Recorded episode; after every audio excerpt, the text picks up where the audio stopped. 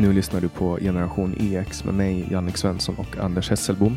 Vi blir superglada om, om ni är med och stödjer vårt projekt genom att eh, överräcka oss en liten ekonomisk slant i donation såklart. Det gör du enklast genom att gå in på patreon.com genyx eller genom att swisha nummer 070 3522 472 som den lilla swish som man ändå är.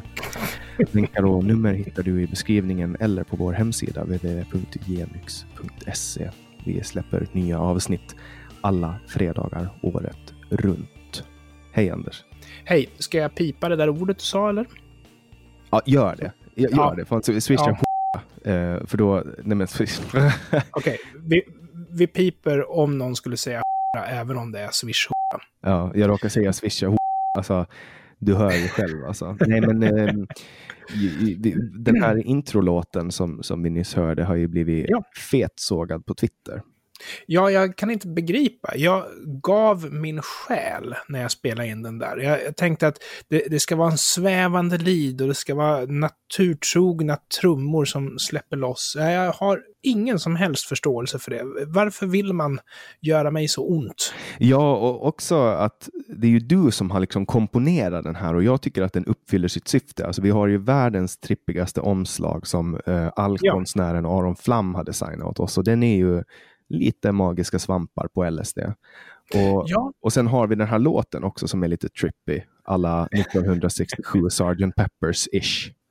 Ja, fast cleanare sound skulle jag ju säga.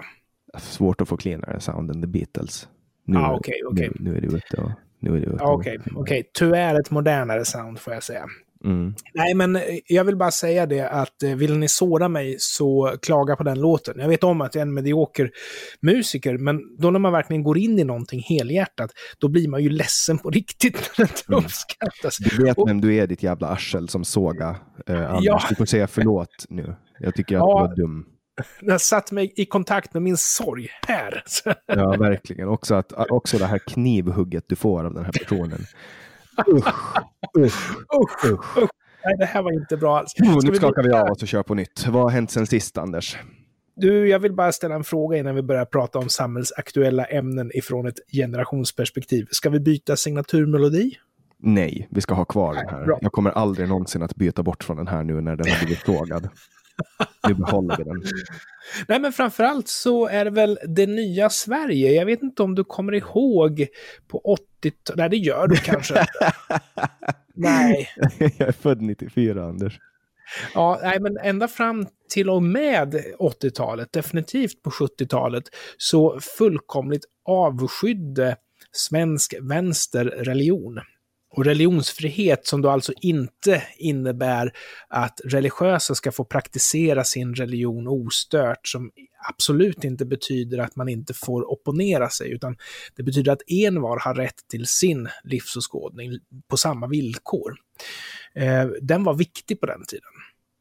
Och jag vet inte riktigt vad som har hänt alltså det var ju den inställningen som ledde till att Sverige blev sekulariserat år 2000. Och det här har ju varit en successiv process.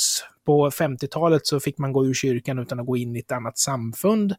På 2000-talet så förlorade Svenska kyrkan sin myndighetsstatus.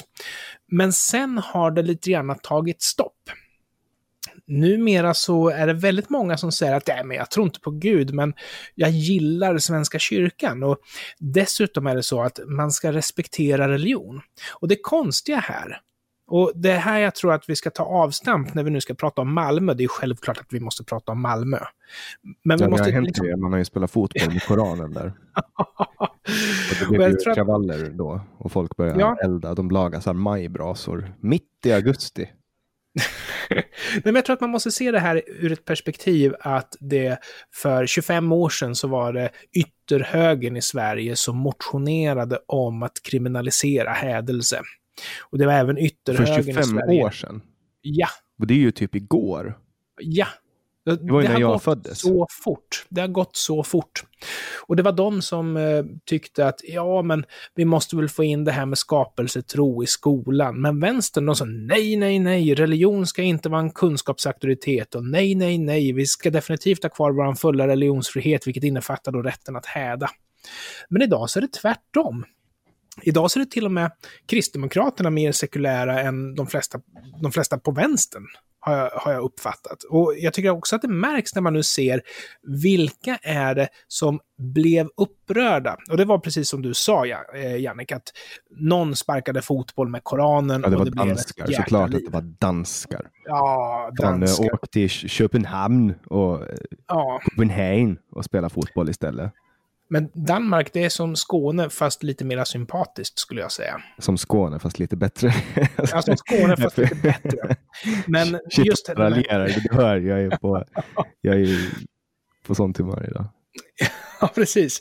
Och det som hände, det var ju då att eh, oppositionen, de som anser att man inte ska få häda, för det var ju definitivt en hädelse att sparka fotboll med Koranen. Koran, lyckades nej, koran. Det heter bara koran när man sparkar koran. Fotkoran. Alltså, de spelar fotkoran. Nej, men eh, de som opponerade sig där lyckades ju på ett kick samla ihop 300 våldsverkare som eh, gick till motattack och i princip förstörde delar av stan. Och det där är ganska intressant att våldskapitalet hos de som är motståndare till religionsfrihet är ganska stark. Och nu har vi i Sverige tre läger. Det tredje lägret som jag tillhör, det skulle jag vilja säga är det förnuftiga lägret. Och det är nästan ingen som är med där. Jag tror att vänstern också kallar sig för det förnuftiga läget. Och Nej, högern kallar nej. sig för det förnuftiga läget. Och Jag nazisterna alltid- kallar sig för det förnuftiga läget. Nej, jag brukar alltid säga att, att eh, jag tillhör varken högern eller vänstern när det gäller min syn på eh, politiska sakfrågor, utan då tillhör jag den förnuftiga mitten. Det vill säga, gör vad du vill så länge du inte skadar någon annan. Det låter så Och- förnuftigt visserligen. och här tycker jag att sparka fotboll med Koranen, det vill säga att praktisera sin religionsfrihet, är ju tyvärr ett exempel på att göra någonting Att öva sina fotbollsskills menar du? Ja, dessutom kan man öva sina fotbollsskill. Men, men att gå till attack, kasta sten på poliser och förstöra busskurar och tända eld på bilar. Hmm. Det är ingen frihet. Nej, nej, det är ingen frihet. Och i ljuset av det så kan jag bli ganska förnärmad över att folk som säger ja men det var dumt att häda.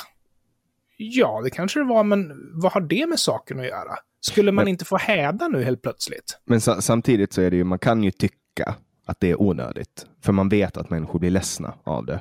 Folk, det betyder väldigt, väldigt mycket för en del människor och en del människor vet ingenting annat än, än sin tro och då är det ju en sårande sak. Men det Mm. är ju sårande att leva i ett samhälle som är fritt med yttrandefrihet. Ja, Det ett då, samhälle... då kommer det ju människor och bara "Åh, din introlåt under all kritik, bort med den, bort med den, byt! Ja, men det har man ju rätt att säga. Ja, och man har också rätt att inte lyssna på den här podden. Om man tycker att den är skit. Och snälla lyssna, jag, jag, jag tänker att jag har betydligt större glädje av att sitta här och predika under förutsättning att någon faktiskt tar sig besvär att lyssna. Preachmaster. master jag har inte ens vågat fråga Jannik om det är någon som lyssnar på vår podd, för jag vet inte om jag är beredd på att höra svaret ens.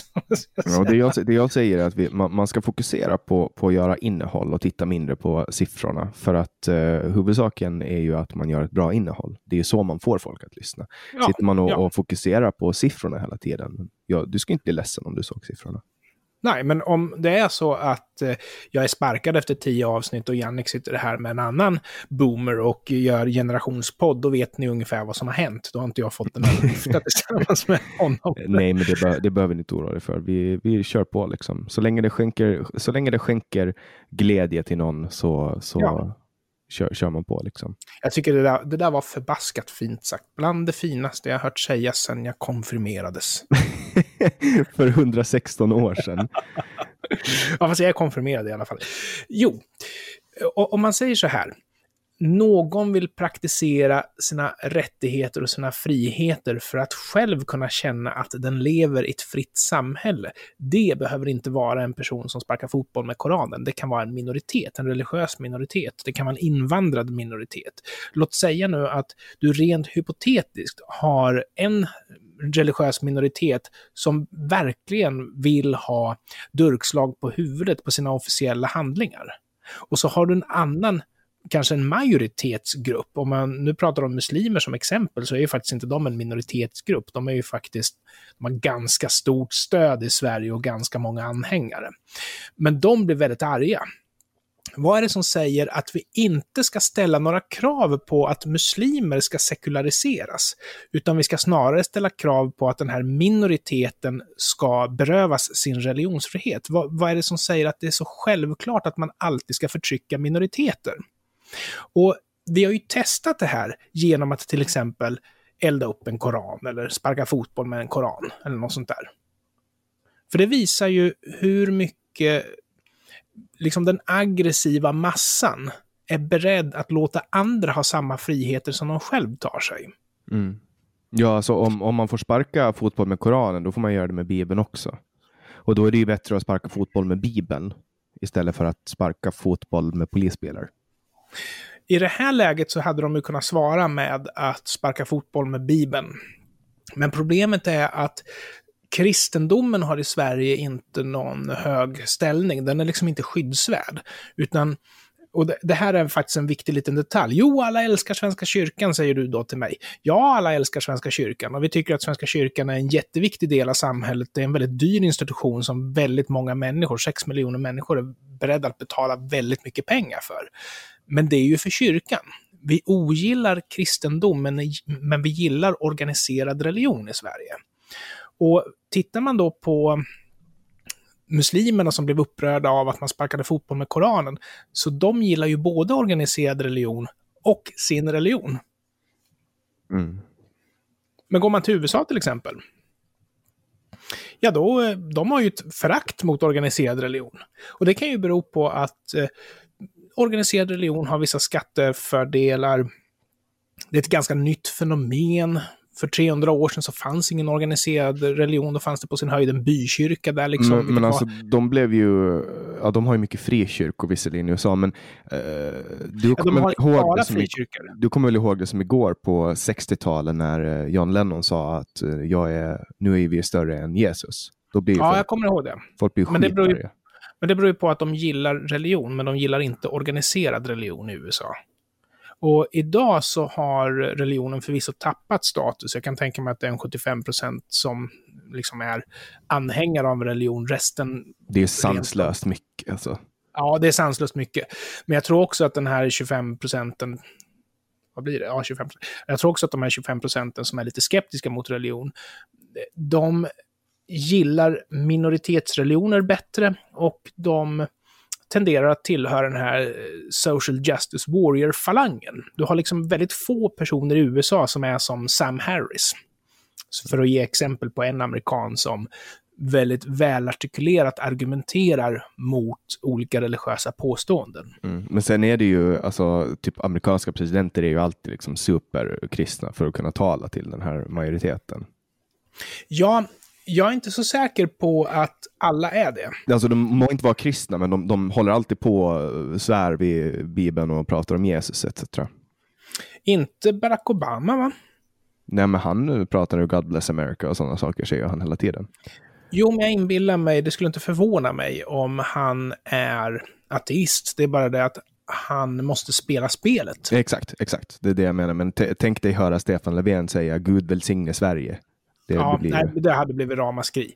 Men däremot så är det ju så att de muslimska partier som håller på att försöka slå rot, det kommer ju inte gå. De kommer ju aldrig lyckas. Alltifrån nyans till, ja, vad heter det här andra, muslimska Ja, de, ja, de, de försöker starta ett muslimskt parti. Ja, eh, det, skulle, det skulle vara lite konstigt. Ja, men det skulle vara lite, det skulle vara lite konstigt att starta ett, ett muslimskt parti bara för att ta hand om en minoritet. Det blir lite ja. fel. Alltså, så funkar ju inte demokrati eh, egentligen. Alltså, ja, Kristdemokraterna.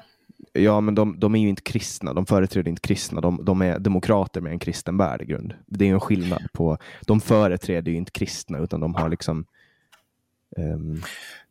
Ja, alltså jag vet inte. Det är ju de som har motionerat, eller kristdemokrater, inte, inte kristdemokraterna, utan det är ju kristdemokrater som har motionerat för att skapelsetro ska ersätta biologiundervisningen. Mm, absolut, men det är ju för att då har vi ju de mest kristna fundamentalisterna kommer ju att dras till det partiet som är närmast. Det var som före Alternativ för Sverige.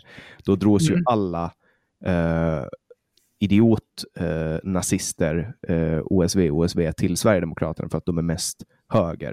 På, ja, samma, sätt, på samma sätt som att alla skäggiga kommunister dras till Vänsterpartiet för att de är längst till vänster. Sen sitter liksom ja. den vettiga massan av Vänsterpartiet och får in de här jävla skäggiga veganerna som ska sitta på sina jävla papplådor och, och, och röka gräs och, och prata om du förstår vad ja, jag menar? Ligger någon, ja, det ligger någonting i det. För jag, jag, tror ju att Kristna värdepartiet förhåller sig väl till Kristdemokrater ungefär som Alternativ för Sverige förhåller sig till Sverigedemokraterna. Att det, de tar emot galningarna med öppna armar. Och sen finns det ju vissa galningar som inte byter parti för de känner att nej, men det partiet som jag stöttar idag är ju det största partiet. Men de som verkligen är liksom skogstokiga, de går ju till AFS och de går ju till Kristna värdepartiet och sådär. Sannolikt. Sannolikt. Sannolikt. Ja, jag ber om ursäkt om vi har några lyssnare som röstar på något av dessa partier, men ni får ta det som män. Jag har ju suttit här och argumenterat för rätten att häda, vilket innefattar er rätt att sparka fotboll med, med Koranen. Oss, det... med vår podd. Ja, ja precis.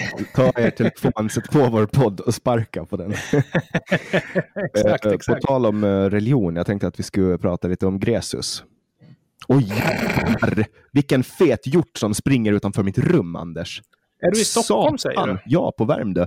Två, två hjortar. Djävulen vad stora de är. Nu hann ju inte jag fotografera dem, men... Men grattis, det, stora det är ju jävla antlers. Alltså, skulle jag, haft, jag, skulle jag haft kniven här så skulle jag jaga ikapp dem och, och tagit ner dem bara för att kunna visa till dig vilka stora horn jag hade fångat. Åh, oh, det hade varit någonting. Nej, det enda som flyger utanför mitt fönster, det är tornseglar och fladdermöss. Jag bor i en etagevåning. Mm. Nej, men det här är, jag vet inte om det är jaktsäsong på hjort nu, men fan ja. vad jag skulle vilja ha en bössa. För att det där det är mycket, mycket, mycket gott med, med viltkött. Ja, jag älskar det. Det var faktiskt eh, när jaktsäsongen på älg började så blev jag omsprungen av en ko med två kalvar över bron, över motorvägen som går runt Örebro. Så de ville fly skogen och var på väg in mot stan. Och jag var faktiskt så paff så jag var tvungen att stanna cykeln och bara stå och titta efter dem. Det var en riktig naturupplevelse faktiskt. Mm. Det var så att jag kunde sträcka ut handen och röra dem om jag hade varit vaken. Liksom. Mm. Ja, jag skulle gärna ha tagit ner dem där två. Men för att gå till, vidare då till Gresus, mm. vet du vad en Gresus är? Ja, jag förmodar att du refererar till de som eh, har byggt en personkult kring Greta. Ah, jag tänker mera på själva Greta. Jag tycker det är roligt. Det är liksom Greta, ja, det är klart att det är Greta Jesus, du menar. och sen är det Gres. Alltså det, jag tycker bara det är Men skitroligt. Gresus är, är väl ett namn som beskriver deras förhållande. Det är klart att du menar Greta. Ja. Greta har börjat skolan till igen. Alltså, hon ska gå nian nu. Alltså tänk för henne att komma tillbaks. Hon har varit, nu har hon varit på en ettårig, kanske till och med längre, världsturné och träffat typ mm. alla jävla kändisar som finns i hela världen och alla kändisar som finns i hela världen har stått på kö för att ta bilder med henne för att smeta sina varumärken med henne och koldioxidkompensera ja. och fan och hans mormor. Och nu ska hon gå i skolan med helt vanliga barn. Ja, men det här tog ju slut och hennes far gick ut och sa att den här uppmärksamheten var bra för henne, det hjälpte henne med hennes personliga besvär och komma ut och nu är hon väl botad då antar jag, så nu kan hon gå i, i skolan igen. Jo, men alltså tänk, tänk vilken jävla grej. Alltså det där ja. ska ju vara som att... Uh, det, det var ju typ som när Elvis gick armén. Ja. Han var superkänd och... Uh, nu kommer min hund här också. Hej Luna! Men... Hon hade en hundvakt, men hon har eh, flytt från hundvakten. Så Jaha, kommer säkert men, hundvakten här. Men Greta har väl svalnat lite grann. Alltså, hon är väl inte så här, men det är klart, hon kommer ju vara den intressanta personen i klassen för klasskamraterna. Åh, oh, har du varit med om det här? Hon är ju fortfarande fett inne. Ja, okej, okay, okej. Okay. Jag trodde att det var Anders Tegnell som... Eh, alltså, svensken, om vi nu inte gillar eh, Alltså svensken gillar personkulter. Vi har ofta personkulter och bildar ofta personkulter. Och jag tror också att det är lite grann kopplat till att vi inte längre är så sekulärt sinnade. Vi vill absolut inte ha ett sekulärt samhälle om det inte är så att det är goda sidan som, som liksom vinner på det. Och jag, jag tror att det kan bidra till att Greta liksom har svalnat en aning. Men det kanske finns utrymme för både Tegnell och Thunberg. Mm. Jag menar alltså svalna, jag tror, jag tror inte hon har svalnat. Det ska, jag ska inte använda det ordet. Alltså, hon är ju fortfarande hon är fortfarande så jävla stor alltså. Hon kommer ju tror aldrig... Tror du att skulle vilja ta en selfie med henne idag? Eh, sannolikt. Sannolikt. Men tror du inte Bono är ett tyngre namn än Greta Thunberg idag? Sannolikt. Nej men alltså Bono kan fan dra åt helvete. Ja, jag, jag, jag, jag gillar inte U2. Det är ett av de få band som jag inte förstår. Vad är det de gör som är bra? Vad är det med In the name of love som jag hävdar bestämt är inspelat med trummaskin? Jag köper inte de där trumriffen som är där. Det låter så förprogrammerat så det... Mm. Jag vet inte fan, alltså, musiken eh, tycker jag är helt okej. Okay. Alltså, jag, har, jag har eh, respekt ja, för, för, för YouTube. Men, men jag Let's agree nog... to not disagree. Liksom. Ja, nej, alltså, jag, det, är ingen, det är ingen favoritband som jag lyssnar på. Jag har ju tröttnat på deras låtar för länge sedan. Men det finns ett mm. jätteroligt mm. South Park-avsnitt eh, som går ut på att alltså, Bono är alltså en bajskorv. Alltså, de, det var så här, ja. ett gäng som hade tävlingar i vem som kunde bajsa störst bajskorvar. Och sen, sen var det någon som, jag kommer inte ihåg vem det var, men någon kändis som bajsade en jättestor bajskorv och började ta hand om den här bajskorven som ett barn. Och det ah. var Bono. ah. bajskorven växte upp och blev jag, Bono. Jag har inte hängt med så här igen. Satan, vänta nu ska jag ta en bild på dem. Anders, vänta. Ja, jag väntar. Och medan Jannik är ute och tar kort på hjortarna som springer utanför hans fönster, jag hoppas att han skickar det till mig, för jag vill verkligen se de här hjortarna. Det är ju riktigt, riktigt coolt. Så jag ska be när han kommer tillbaka och skicka dem till mig. Men kan jag säga att jag inte personligen liksom inne på det här med South Park, utan jag såg en några avsnitt i början och sen så har jag sett en julspecial där det var faktiskt en bajskorv som var programledare. Och eh, det var det var ganska vågat skulle jag säga. Speciellt med tanke på att det här är ju några år sedan, så det lär ju ha inspelats under den tid då religion faktiskt var ganska viktigt för amerikanerna. Och eh, en av mina poänger som jag skulle vilja göra angående sparka fotboll med Bibeln, det, vi har ju lämnat det för att gå över till Greta, så jag passar på att prata om det medan Jannik tar kort. Det är just det här att hädelse i USA är ju fortfarande lite edgy än idag. Men hädelse i Sverige Oj, är ju definitivt jag är tillbaka. Luna, nu får du vara tyst ja. här. Luna, hör du, du behöver inte gilla. Har hon fått syn på, på rådjuren eller? Eh, hjortarna, ja. Du kan gå och lägga dig nu. Ja, jag ska skicka den här bilden till dig nu på... på... Ja, men jag vill se den. Skicka den på sms. Yes, jag, eh, du använder ju bara vy, alltså du använder ju bara postgång, så jag, jag, skick, jag postar den imorgon. Okej, okay, okej. Okay. Ja, vad synd. Jag hade... Ah, titta där! Jag ska öppna... Åh! Ståtligt! Ja, nu förstår Kolla. jag verkligen att har haft en kniv där. Kolla those antlers. Kanske vi ska använda den som omslagsbild till podden. Ja, alltså den första tjuren som gick först äh, var ju ståtligt. Men du bor fint i alla fall. Ja, det är. Nej, så, för att avsluta det jag sa, så jag tror att vi befinner oss i ett läge där det, det känns ganska rätt att bilda personkulter i Sverige. Så jag tror att det kan förklara lite grann Greta och sådär. Men, och men jag Tegnell, tror också... personkulten personifierad. Ja. Nej, men vi, vi hade någon diskussion med en snubbe på eh, Twitter. Han jobbar som reporter på Sveriges Radio P4. Och eh, jag kritiserade Sara Larsson för samarbetet med Huawei. Och... Eh, med kinesiska jag... regeringen menar du? Ja, med kinesiska regeringen.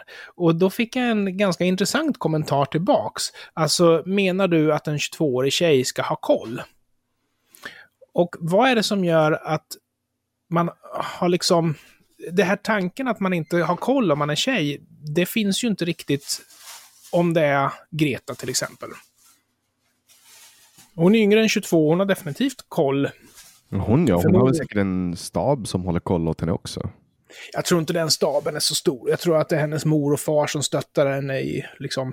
Jag, jag kan tänka mig att det här brandtalet som hon gjorde, How dare you och You have stolen my childhood och att vi bara bryr oss om oändlig ekonomisk tillväxt. Och så. Jag tror att det är stöttat av hennes far. För de ja, en far som är ganska duktig på, um, på, på PR också. Ja, för när hon pratade från hjärtat så är hon inte så här bra. Dessutom så vet jag att föräldrarna är ju engagerade i... Alltså, föräldrarna är väldigt duktiga på, både eh, hennes mor och hennes far att exploatera de trender som liksom blåser just nu. Och jag har ju väldigt svårt att tro att Greta Thunberg liksom är ett äpple som har ramlat nära trädet, för jag tror hon är för ung för det. Jag tror att hon har fått tips om hur hon ska göra och vad hon ska hugga på sådär. Mm. Ja, mm. men det tror jag säkert. Jag tror att... Och det, det höjer ju lite grann hennes gärning, för det gör ju att då finns det liksom tankar bakom och det gör att det är lättare att ta henne på allvar tror jag. Medan eh, av någon anledning så tror jag att vissa kan ju också uppfatta det där som ett hot. Nej, nej, nej, hon är ju Gresus. Mm. Man får liksom inte ens antyda att hon förmodligen är en vanlig människa, utan hon, hon är ett underbarn liksom. Ja, det säger ju, Svenska kyrkan sa väl typ att hon var en frälsare som var kommen OSV, OSV. Jannik, vad tycker du om Greta Thunberg? Mm, hon tycker hon verkar, en jätte, verkar vara en jättetrevlig tjej. Eh, extremt eh, driftig. Eh, hon lyckas med det hon har gjort. Jag, jag är glad för hennes skull. Men hon har ju lyckats för att hon plockade lågt hängande frukt lite grann. Alltså, men plockar man lågt hängande frukt och får så jävla mycket inflytande som henne så hatten av. Ja. Liksom, hon har träffat så många kändisar så att hon får liksom... Jo. Hon, hon jo. och jag som säger det här skulle, jag skulle aldrig någonsin kunna åstadkomma någonting som är i närheten av henne när det gäller förmågan att nå ut. Men eh, det som jag menar lite grann, det är ju det här, alltså en av mina käpphästar som jag har, det är att jag bor i ett land där liksom naturlivet håller på att dö ut i våra vattendrag på grund av allt ifrån turbiner till industriutsläpp. Vi har problem med förgiftning och försurning. Enorma miljöproblem har vi i Sverige. Och kanske att vi skulle kunna ta och prata om det, för det är ju ganska lågt hängande frukt att ta hand om det. Vi är inte drabbade speciellt hårt av eh, klimatförändringar. Men vi är väldigt drabbade av fiskdöd och att vi överexploaterar våra sjöar och tömmer ut för mycket dricksvatten. Alltså att, klassiska miljöproblem. Art, ja, död, klassiska biolog, minskande av biologisk mångfald, OSV. Ja, ja. Alltså så, som när jag var liten, då, då krockade ju så här insekter på rutan. Mm. Uh, de gör inte det längre. Ja, om du kör norrut så gör de ju det längre. Hmm, Okej. Okay. Ja, jag, för så... mig på Åland så hände inte det. Nej, precis. Det gjorde det när jag var liten. Man fick liksom ha, pappa fick ha så här spola, extra spolar, vätska och sånt. För Ja, nej och sen så jag tycker också att det här problemet tillförs hela tiden. I Örebro där jag bor så har vi svartån och från det att jordbruket övergöder den så att den snarare är en lerå än en vattenå så har du ju det nya tillskottet av att eh, skäggiga hipsters ska eh, slänga ner sparkcyklar, elsparkcyklar i Svartån på fyllan och så, så ligger de där och så läcker batterierna ut och så liksom, vi, vi bara tillför och tillför och tillför gifter. Och skulle det nu vara så att man ville göra någonting åt just den globala uppvärmningen, att det är den som är relevant. Då tycker jag att man skulle höja skatten på de här kinesiska tygpåsarna som faktiskt inte alls är bra för miljön, som faktiskt ger ett stort klimatavtryck och sänka eller, eller så, så uh, subventionerar man plastpåsar så att folk fortsätter yes. använda plastpåsar som faktiskt, yes. där man återvänder i princip all energi. Ja, och som dessutom faktiskt inte kostar speciellt mycket när det gäller utsläpp av växthusgaser. De är väldigt klimatneutrala, våra plastpåsar. Och argumentet, det bästa argumentet som jag har hört, är att de hamnar i Medelhavet. Men det är en fråga för kommunen att ta hand om. Kommunen får börja bränna sopor istället för att åka iväg med dem till Medelhavet. Det där är ett ansvar som vi kan axla.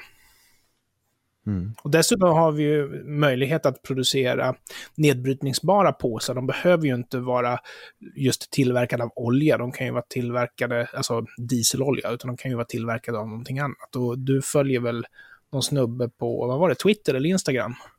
Som, eh, som har, har ja, det är Axels plastpåse. Ja, just det. Just det. Ja, han skrev till mig och, och, och, och, sa att han uttalar det genom att han bokstaverar det. Uh, så att vi, vi båda, både du och jag var lite fel ute. Uh, jag tänkte byta ämne igen, på tal om skola. Jag förstod inte vad du sa i alla fall där. Ja, skitsamma. Ja, Men i alla fall, vi byter ämne från att Greta går i skolan till att jag går i skolan. Jag går i skolan nu. Gratulerar! Tackar, tackar. Det vad ska du bli när du blir stor? Jag tänkte studera filosofi tänkte jag faktiskt. Åh, oh, bra val. Ja, vi får se hur det går. Eh, så nu ska jag bli klar med, jag behöver eh, behörighet här i Sverige, så jag går på en folkhögskola nu. Och det jag tänkte mm. nämna här är att, eh, alltså jävlar vilka studentrabatter ni har i Sverige alltså. Åh, oh, vad, vad glad jag blir. Mm. Så jag laddade hem mecenat-appen. Och det finns tydligen två kort. Alltså det finns studentkortet eller vad fan det heter och sen finns mecenat. Mm. De konkurrerar tydligen och, och, jag ser att den här konkurrensen har dragit ner. Alltså det är riktigt fina jävla kampanjer de har. Här det, nu, nu kommer folk att tro att det är reklam här så jag döljer varumärken. Men det är så här, ja. ett jättestort sportvarumärke som har 30% rabatt, vilket är helt stört. Sen har de Adobe 65% rabatt på Creative Cloud plus en gratis månad. Det är fan bra alltså. Ja, det är ju en dyr produkt även med 65 ja, rabatt. Men... På alla jävla program ja. så har de... Eh, det där är program man vill ha liksom. Ja, ja, ja. Och du har ju liksom Premiere och hela skiten. Eh, och så har du Apoteket och 20% rabatt. Det är jävligt bra. Och den här gillar jag. Köp en Mac eller en iPad och få ett par AirPods. Köp en dator som inte inte har det här vanliga operativsystemet på sig. Gå och lägg dig.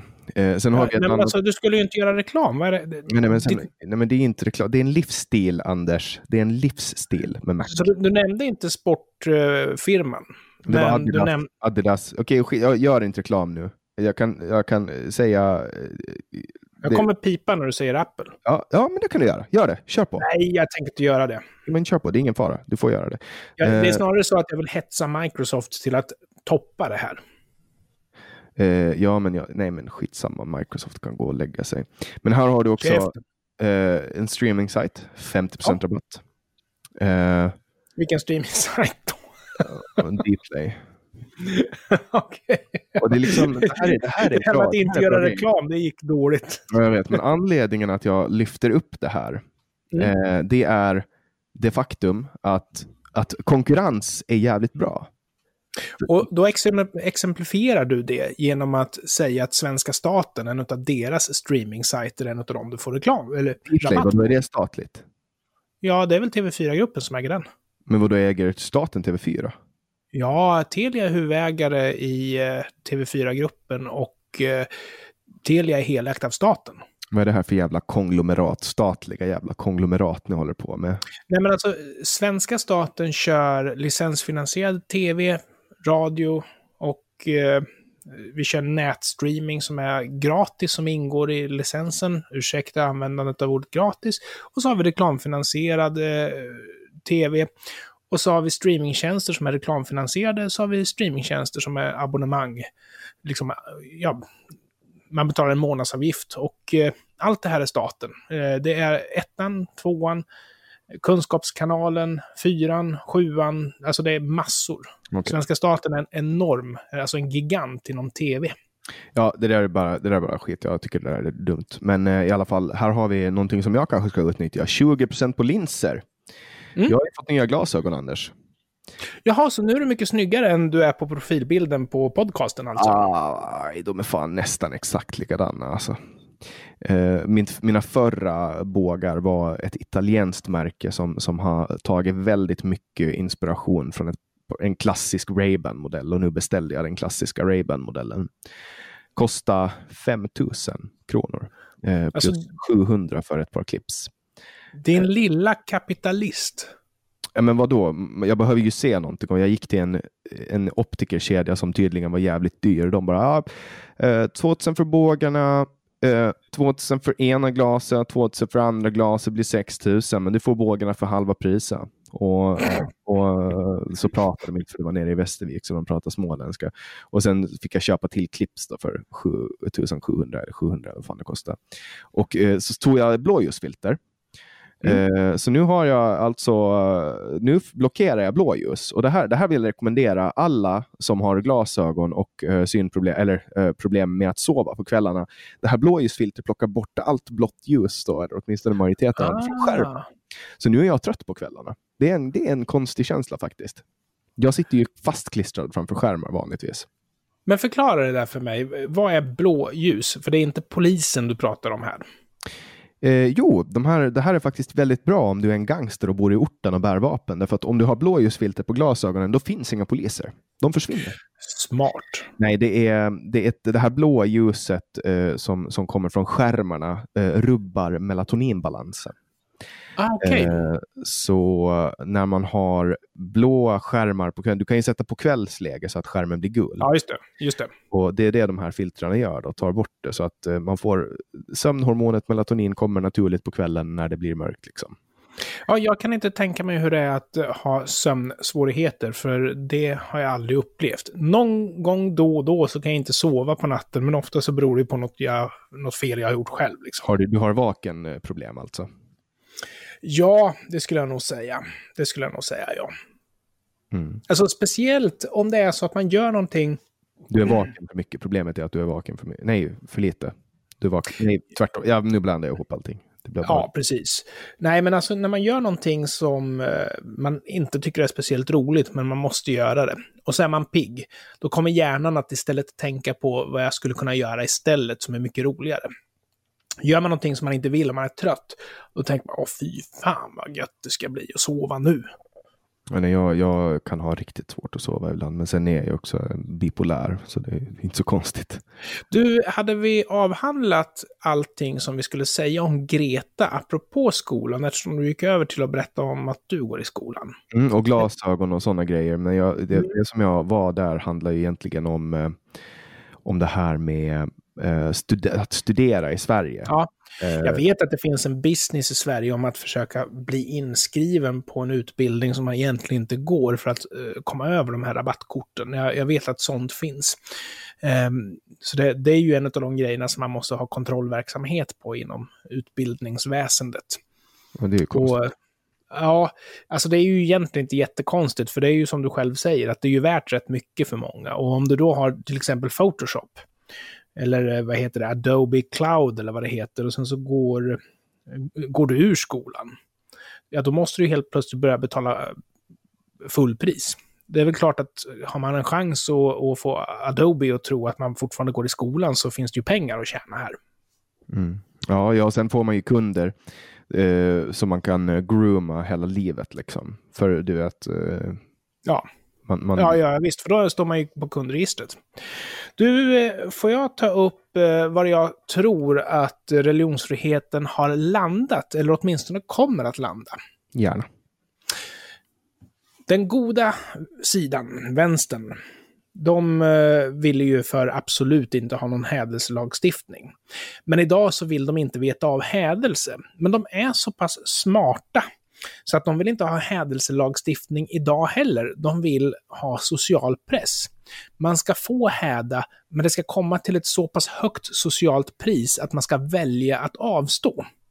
Så det innebär att man vill inte ha någon lagstiftning som förbjuder hädelse, men man vill att den sociala pressen ska hålla dig ifrån hädelse. Och det här är samma sak med yttrandefriheten, att de har exakt samma förhållande till yttrandefriheten. Men problemet som jag ser med det, det är ju att för det första så har du ju de facto ingen religionsfrihet. Om det är så att eh, det kommer till ett för högt socialt pris att praktisera den. Och för andra är det ju så att det här kan ju gälla just den här hypotetiska minoriteten som jag pratade om. Att låt säga nu att islam blir en tillräckligt stor grupp för att betraktas som en stor skyddsvärd grupp i Sverige. Och så, så sätter de upp vissa regler som säger att ja, men vi blir ledsna när ni gör så här och vi blir ledsna om ni gör så här.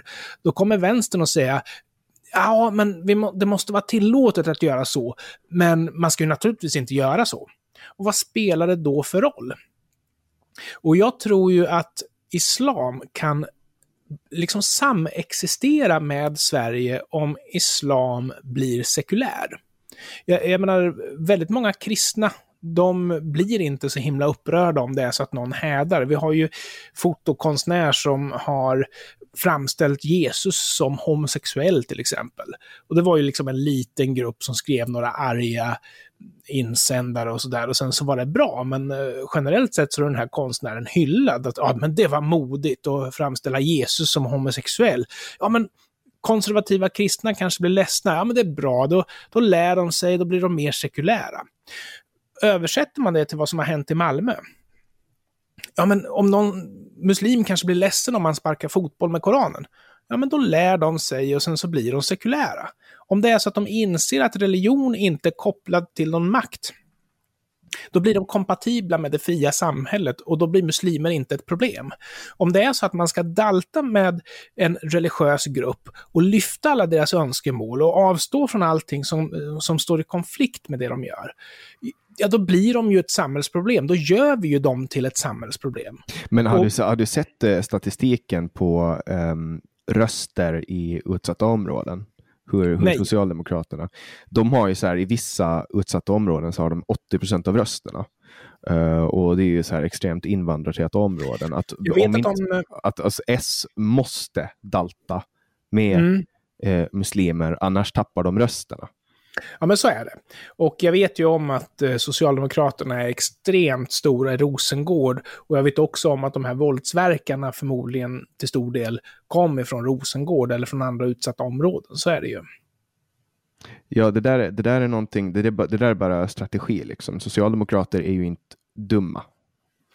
Samtidigt så är ju de alltså, tittar man på partiprogrammet så är de ju väldigt anti-religion, men tittar man på deras de facto-politik så är de ju, liksom, de verkar gilla. Många som röstar eh, på Socialdemokraterna läser nog inte deras eh, program. Nej, Nej, och invandringspolitiken är ju faktiskt ett jättebra exempel där, där Socialdemokraterna vill ha stängda gränser, men deras väljarbas vill ha en hög invandring. Så de kan ju inte riktigt stå för sin politik eftersom det finns en konflikt mellan väljarbasen och eh, partiprogrammet. Och det är nog en ganska, ganska komplicerad situation att befinna sig i, tror jag. Mm. Sannolikt. Märker du att jag svarar eh, sannolikt hela tiden? Ja, det är för att du är lite ödmjuk. Du, du vill framstå som att du är en tänkande person och det kan ju vara klokt att göra det. Ja, det är konstigt. Jag skulle önska att jag var den där tänkande personen. Jag tycker att de avsnitt som jag har lyssnat på nu, vilket är alla, av generation YX, så tycker jag att jag har en ganska raljerande ton bredvid dig. Du är väldigt, liksom, lite sofistikerad, lite försiktig, lite ödmjuk och så här. Medan jag pekar med hela handen och säger, ja men så här tycker jag, så här tycker jag. Jag tycker ju att jag är ganska raljant i den här podden. Jo, oh, det kanske det är. Kanske men... lite ironisk och så också. Bredvid Anders Hesselbom så bleknar det kan jag säga. Kanske, ja, kanske det är så. Du får vässa dig och jag får, jag får backa lite grann och du får vässa dig. Ja, jag vet inte. Alltså, jag tycker att jag är ganska raljant. Alltså lite ignorant, lite raljant, lite intolerant, ja. lite... Men du, vi, innan vi släpper Socialdemokraterna och religion. Vi ska aldrig tänkt... släppa Socialdemokraterna eller religion. Nej, nej, det, det är en outtömlig källa av intressanta påståenden. De är naiva, man... det säger de själva. vi har varit naiva. Nej, men sådana här grejer som egentligen är skapade för att testa religionsfriheten. Eh, där är de ganska pragmatiska. Till exempel den här diskussionen som vi hade med eh, pastafarianer som vill ha en, ett durkslag på huvudet. Då säger jag, ja men, nej men det där är ju en påhittad religion. Ja men... Säg någon ja. som inte är påhittad. och anledningen till att det här testas det är ju för att i Sverige så får man ju inte ha en huvudbonad på till exempel sitt körkort. Såvida man inte är muslimsk kvinna, då får man det. Men de får? Kan man, ja, de får. Alltså. Och, och, då kan man ju säga att ja, men om, om det är en annan religion där man också måste ha någon, en huvudbonad på en officiell handling. Nej, jag, jag menar, varför kan man inte vara... Istället för att vara pragmatisk så kan man ju försöka att ha så få standarder som möjligt. Jag tror att det här är den grejen som... Där, där högern skiljer sig väldigt mycket ifrån vänstern. När Ivar Arpi skriver någonting, någon liknelse på Twitter där en religiös person har fått ett privilegium. Då kommer det ganska raljerande retweets på det där. Ja, ah, två saker som inte är lika, hö, hö, hö, och så här. Men det handlar ju om att man på vänstern försöker ha så många standarder som möjligt. Är det någonting man tycker är bra så har man en standard, är det någonting man tycker är dåligt så har man en standard och sådär. Medan man på högern försöker ha så få standarder som möjligt. Om det är så att man kan forma regler som är lika för alla så kommer i slutändan det leda till att mindre antal personer blir diskriminerade. Men då på bekostnad av den hemska tanken på att eh, religioner som kanske inte är så himla sekulära, som ska existera i ett samhälle som är sekulärt, kanske måste sekularisera sig lite. Kanske måste bortse från viss makt som de cashar in för att de tillhör en religion. Därför att den makten som man cashar in för att tillhöra en religion, den är ju i sig odemokratisk. Därför att jag anser ju att en sekulär person, en, en person som tillhör en annan religion än islam, alltså de betalar ju lika mycket skatt och ska de ha lika mycket rättigheter inför staten. Ja. Och det har ju gått så långt så att vi finansierar ju personer, så att vi finansierar ju organisationer som är muslimska för att de är för fred och rättvisa och sådär. Och sen så slutar det alltid med att, oops, vi har råkat finansiera terrorism igen. Varför kan man inte bara säga att men det är jättebra att ni är för fred och rättvisa, men ni får ändå tro för era egna pengar, ungefär som typ alla andra. Eh, ja, alltså ett stort problem med att dela ut pengar till olika organisationer är att man kan ju liksom inte kontrollera vart allting går. Alltså jag menar, om man inte delar ut pengar till sådana saker, då får ju folk betala föreningsavgifter själva. Folk betalar inte föreningsavgifter idag. Nej, alltså vi har ju, vi har ju humanisterna är ju finansierat 100% av medlemmarna och avgiften som de betalar in till oss. Vi har liksom inga andra inkomster, inte en spänn i bidrag eller något sånt där. Vi vill det, gör, ha det. det gör ju också att folk som, som verkligen är intresserade av att vara med där betalar. Nu finns det ju folk som i vissa föreningar som har skrivit in eh, sina barn, hela sin familj, liksom, skrivit in folk som aldrig har varit ja. där. Och jag tror också att Svenska kyrkan har nog betydligt fler medlemmar än de som verkligen vill vara medlemmar, eftersom det är liksom man ser inte pengarna som dras. Och... Staten rekryterar åt dem.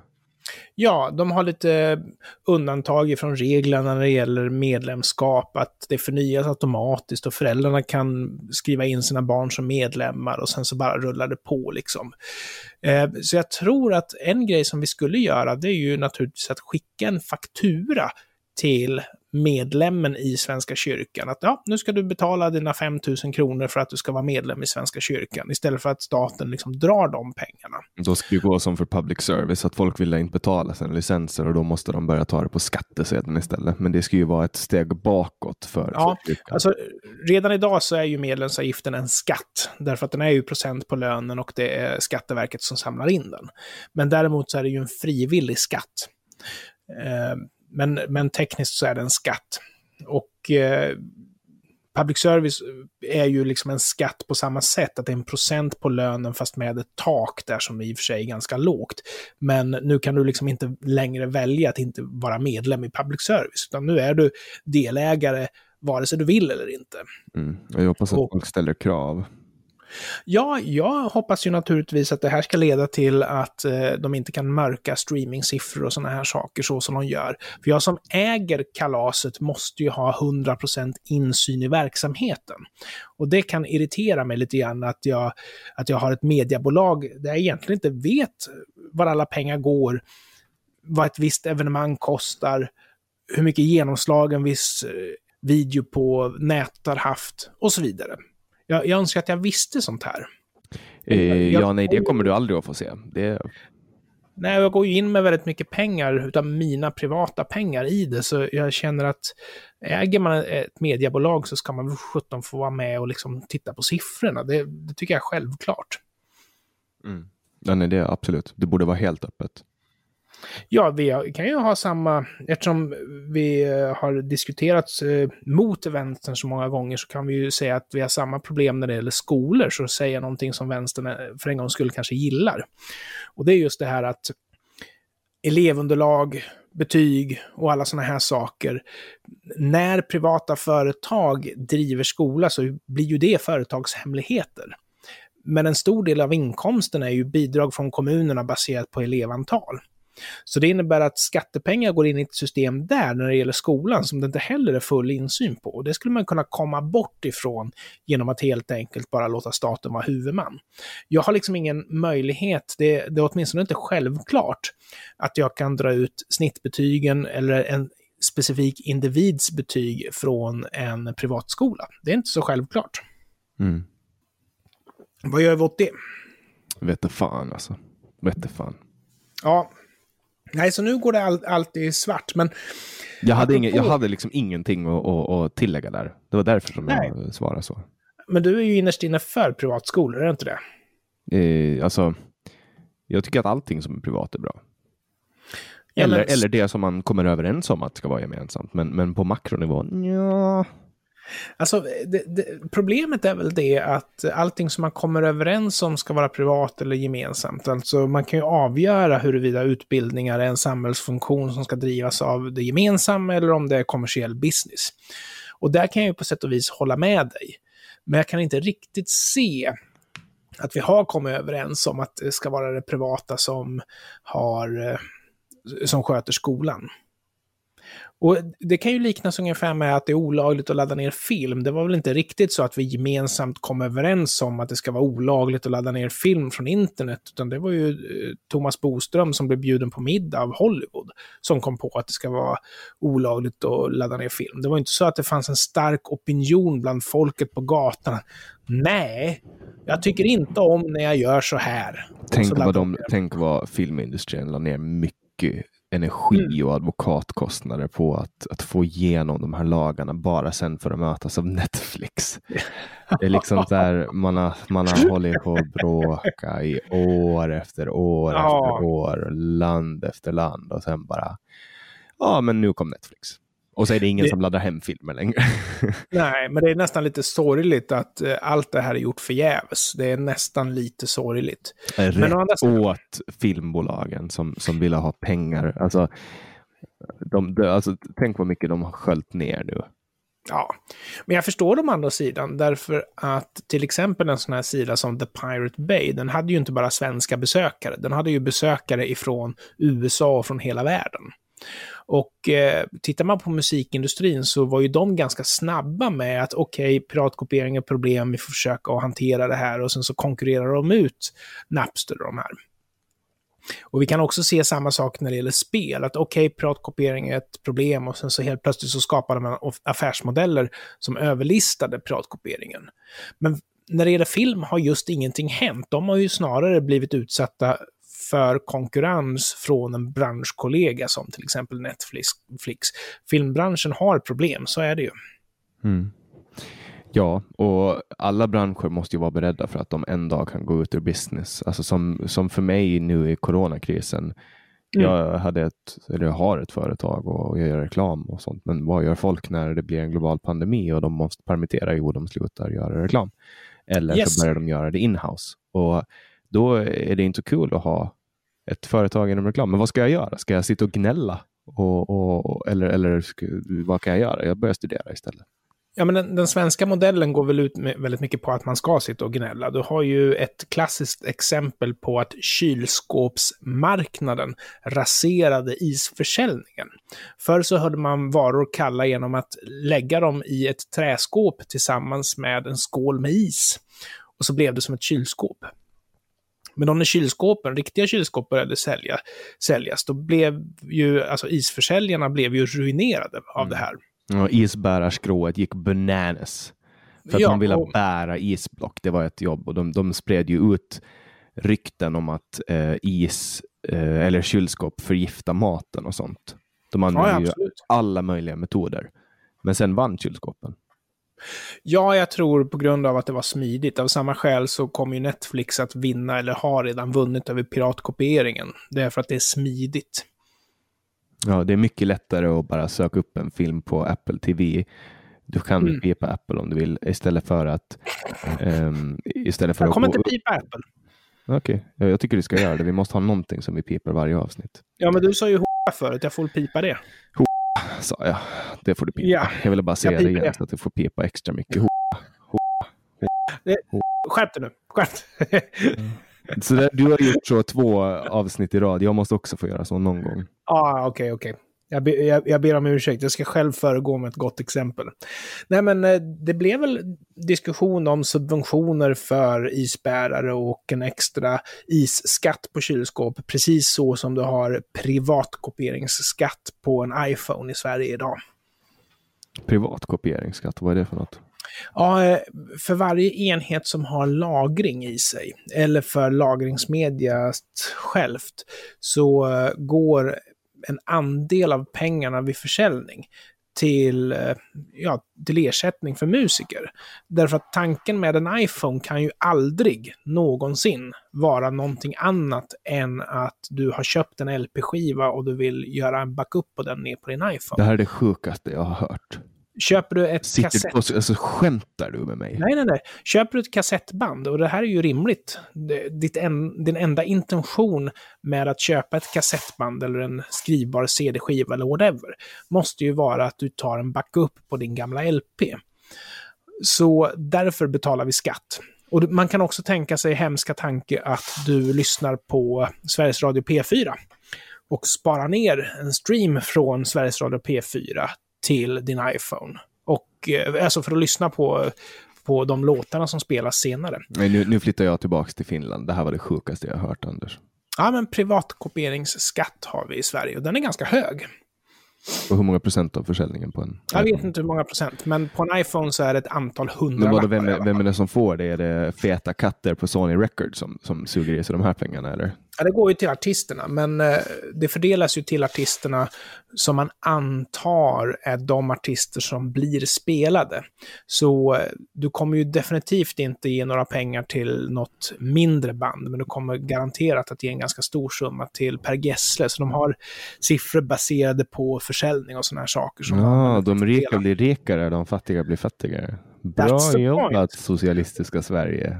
Ja, och jag You did it tror well. också, jag tror personligen att för det första så är det här ett beteende som nästan inte finns, som vi betalar för att få ha. Att vi köper en skiva, vi kopierar över den till vår iPhone och sen så går vi runt och lyssnar på den utomhus och då har vi rent tekniskt då två exemplar av skivan och då måste vi ha liksom en extra skatt för det. Men eh, så, så det är det första, att jag tror att beteendet finns inte. För det andra så är det så att varför ska man ha betalt igen? Varför kan man inte bara få ha en kopia på sin skiva och lyssna på? Och det var ju, jag vet inte, på 80-talet så tror det, jag där är här- ungefär, det där är ungefär som att du, det går inte riktigt att jämföra, men du har en tvål som du köper Mm. på NK Mm. och så skär du den på mitten och så har du ena badrummet och andra på toaletten. Ja, men det, det är ungefär så det är. Den ena, ena i köket och andra på toaletten. Vad har jag för fel idag, Anders? Jag är, Ja, jag nej, är men det- lite dunkad. Ja, men det är ungefär så det är. Nej, så dels så tror jag som sagt inte att beteendet finns längre och dels så är det väl också så, jag, jag, jag menar på 80-talet så var det ju så att köpte man en LP-skiva, åtminstone jag, jag tror att det var många med mig, så ville man ha den så ospelad man bara kunde. Så med varje ny skiva jag köpte så köpte jag också ett kassettband. Och så spelade jag min LP-skiva en gång och det var när jag bandade av den på kassett. För dels så var jag ju då rädd om originalet och dels så kunde jag lyssna på den i min freestyle och sådär. Och skulle då mitt band trassla sig eller bli avmagnetiserat eller komma bort, eller skulle det vara så att någon kompis vill ha en kompiskopia på skivan, ja då spelar jag skivan en gång till. Så mina gamla skivor från 80-talet, de är ju i princip ospelade på grund av att man var Alltså, man var så rädd om grejerna, för det var vägen till hi-fi var ju att köpa en LP-skiva. Liksom. Vad har, du, har du några feta skivor hemma då? Ja, jag har skitfeta skivor hemma, men eh, de spelar jag. Nu praktiserar jag inte den tekniken längre, för nu har jag en så pass bra grammofon. Det var min fru som övertalade mig att köpa en bra grammofon. Men nu har jag en så pass bra grammofon och så pass många skivor, så att varje individuell skiva kommer liksom inte att bli sönderspelad för resten av mitt liv. Liksom. Jag Så förstår. Det jag, jag, det, det, det jag hoppas att blir sönderspelat, det är din röst Anders. Därför att eh, nu ska vi avsluta. Alltså, redan, det känns som att vi nyss har kommit igång här. Ja, men det är så Har- när man har en... Har du timme. lyssnarmandat på det här eller? Vadå lyssnarmandat? Ja, att bara bryta. Jaha, nu är det klart jag har. Vi har ju hållit på nu i så länge vi ska hålla på. Och så ska min vackra signaturmelodi få plats också. Ja, och till dig som har lyssnat, du har lyssnat på Generation YX med mig, Jannik Svensson och med Anders Hesselbom. Och som sagt, du får jättegärna hjälpa oss med ekonomiskt understöd genom att gå in på patreon.com genyx eller genom att swisha 070 3522 472. Swisha gärna alla dina pengar till mig. Länkar och nummer hittar du också i beskrivningen till det här avsnittet eller på vår hemsida www.genyx.se. Du får också jättegärna gå med i vår Facebookgrupp, Generation YX-gruppen heter den. Du hittar också en länk till den på hemsidan. Jag hoppas att vi hörs igen nästa vecka. Tusen tack och tack Anders! Tack Jannik för att jag fick vara med igen. Hej då. Hej då!